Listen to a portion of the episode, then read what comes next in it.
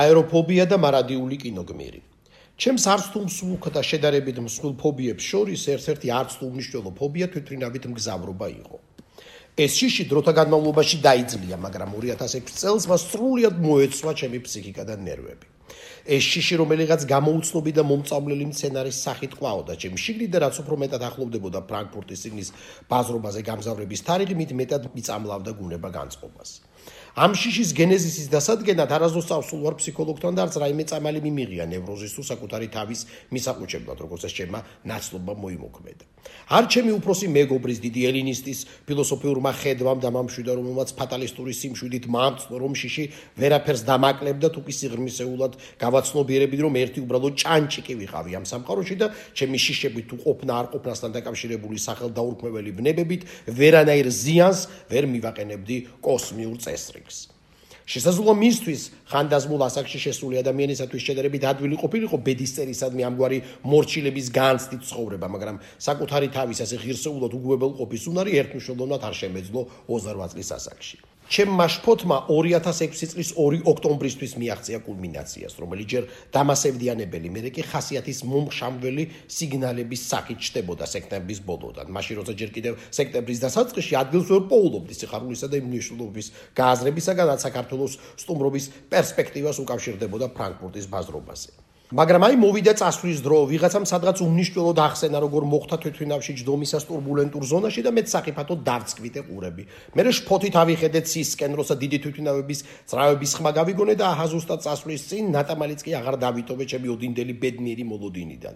ჯინაზე წვიმად წამოვიდა იმ დღეებში და მიუხედავად მის რომ პანიკის გამო ყველა დამცინოდა, უკვე ზრდილობიანი გაღიმებაც ვეღარ შევძელი ირონიული რეპლიკების სმენისას.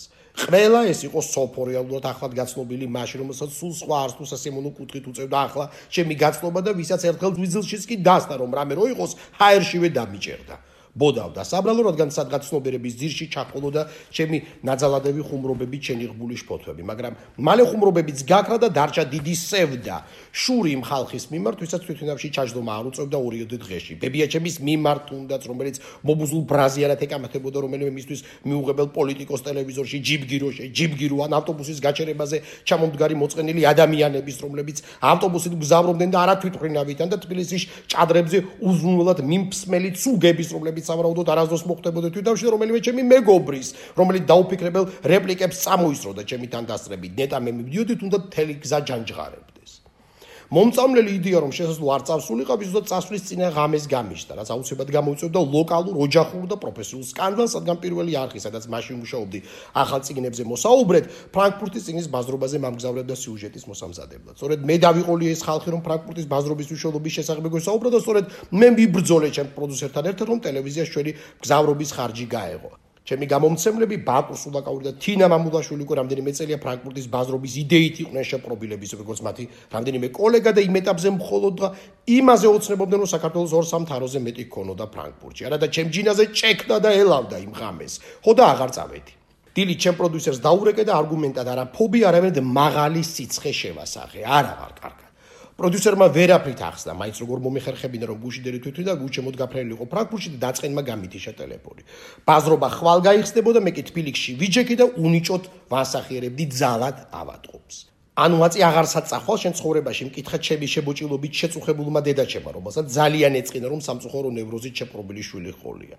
მისი შეკითხვა იმ ეპოქის გამოძახილად მივიჩნიე როცა დაკეტილი საზღვრების გამო სრულად შეუძლებელი იყო დასავლურ ქვეყნებში გამგზავრება და რაღაცა უნდა ყოფილიყო დედაჩემი ვერაფრით გაუგებდა ისეთ ადამიანს რომელიც თავისი ნებით იტყოდა უარს ევროპაში მოგზაურობაზე სოფო რომელსაც როგორ ჩანდა უშედეგო ჩაელაგებინა თავისი ბარგი რაკეისის მოყვებოდა ფრანკფურტში ზოგადად ჩემთან დაკავშირებული არჩევანით დაეჭვებული შემომხურობდა და სავარაუდოდ იმაზეც დაფიქრებულიყო რამდენად ღირდა საერთოდ ბარგის ხელახლა ამოლაგება ბიოგრაფიულ ხო და რახან ფრენის შიშზე ღრმა შიში, ქალის მიმართ შიშია, უпроსტორად კი სიყვარულის დაგარგვის შიში. ეთქობა ამ შიშმა შედარებით ობიექტურად დამანახა ჩემი ნევროზი და იმის ძალაც კი მომცა რომ შეცდომა გამომესწორებინა და დაგვენებით, მაგრამ მაინც ავსულიყავი ფრანკფურტში. ეს ჭეშმარიტების მომენტი იყო, უზარი გამოფხიზლების, როცა თითქოს და მთელი სისავსით აღვითვი გარეთ გამომხტარი შიშის აბსურდულობა. ახლა არ მახსოვს ზუსტად რას ვცდილობდი ან რატომ ჯეროდო რომ გაფრენილ თვითმფრინავს ჰაერშივე დავეწეოდი ან ახალ რეიზე მოვხვდებოდი, მაგრამ ფაქტია რაღაც გონიულ ექსტრემალური სქემის მეშვეობით იმ დღესვე შევეცადე რომ ბილეთები ჯარიმის გათვალისწინებით გადაეცვალათ. 2006 წელს ჯერ კიდევ ბევრი სხვადასხვა ფუნქციური ორგანიზაცია იყო ლოკალიზებული სასტუმრო მეტეხში, მათ შორის ავსტრიული ავიახაზების ოფისი, სადაც მისვლისთანავე ზრდილობიანი, მაგრამ მткиცე უარი მიიღე ბილეთის გადაცვლაზე. კომპანიის წარმომადგენელ სანდომიან ავსტრიელ ქალს ვერაფით ავუხსენი, რატომ გავასწინე გუშინდელი რეისი, რადგან ის რომ წერალი ვიყავი და შინაგანი კონფლიქტების შემოქმედებითი ბუნების მქონე ადამიანებისთვის იყო დამახასიათებელი, დაუჯერებელ და თითქმის შეურაცხყოფელ არგუმენტად მიიღო. ქალი ვერაფით მიხვდა რა და მემართა, მაგრამ ის კი მომატყო რომ დღევანდელ რეიზი ადგილები აღარ მოიპოვებოდა. მორჩა ვიფიქრე, ყველაფერი დასრულებულია, ვეღარ მივდივარ. სიყვარულს კარგავ, ჩემ პროდიუსერს სამსახურიდან აგდემენ, ფრანკფურტის ბაზრობა ბუნდოვანებაში იკარგება და ეს ყველაფერი ჩემი ბრალია. მეც რომ აკხევი გაბრაზდა სოფო, არ უნდა დაგლოდებოდი, ტაქსი უნდა გამომეძახებინა, ძალი ჩამესვი და ისე წამეყვანე აეროპორტში. მე პიანისტ რიხტერის მრავალგზის გამოთქმული სურვილი გამახსენდა გონების გამთიშავი ნემსის გაკეთებას რომ თხოვდა ცოლს თვითინავში ჩასვლა დიპლომის წირა და ფრენის ცნობიერი აღქმა ვერ მოეხერხებინა. ფრანკფურტი ციგნის ბაზრობა, ლიტერატურა, რა ახლოს იყო ეს ყველაფერი და რა უცებ დამშორდა. დაიმოულოდნელად, სწორედ მაშინ როცა თითქმის ზღვრულ ეტაპს მიაღწია ჩვენმა აპათიამ ფოიეში ტკივილამდე ნაცნობი ფიგურა გამოჩნდა ქართული კინოფილმებიდან. კოხტათ მოცმული შავი პიჯაკით, ელეგანტურად შეკრული ჰალსტუხით, თითებს შორის აბზრიალებული, ჯაჭვზე აცმული გასაღებით და უკვდავ ღიმილად აბრიალებული თეთრად მოელვარე კბილებით. ლაშაჯან, როგორ ხარ? კითხა ქართული კინოესტრადის ღმერთმა, რომლის გამოჩენასა და ღიმილს თითქოს და გამამხნევებელ მუსიკალურ ფონად გამოხვა მის მიერვე მძლავრი ბარიტონით ნამღერი ოპტიმისტურ მშობლიური მერამამღერებს უძიროზეცა ზამბახის ფერი არ ვიცი რა კავშირში უნდა ყოფილიყო ქართული ესტრადის ღმერთი ვახტანგ კიკაბიძე ავსტრიულ ავიახაზებთან, მაგრამ რაღაც უცნაური შეგრძნების ინტუიციის წყალობით მაშინვე მივხვდი რომ ეს საოცარი კაცი უდავოდ მოძებნიდა გამოსავალს. და მიუხედავად იმისა, რომ პირადად თუ სწორად მახსოვდა, მანამდე მხოლოდ ერთხელ მენახა ყოველგვარი შესავლის garaშე, მოკლედ აღმოწერე ჩემი პრობლემა. ვაჰ, ჩაილაპარაკა ღვთაებამ და მხოლოდ ეს ღა დააძუსტა. მართლა ყველაზე დიდი ციგის ბაზრობაა პლანეტაზე. ყველაზე და უდასტურებისი გულწრფელი ინტერესით გახარებულმა. დამელოდე აბა ეს ქალი ჩემი მეგობარია. თითქოს კინოფილმ მიმინოში აღმოჩენილი ყავის ეს ავიაციის გენერლის მისაღებში რომ შედის ესტრადის ღმერთის კინოგმირი.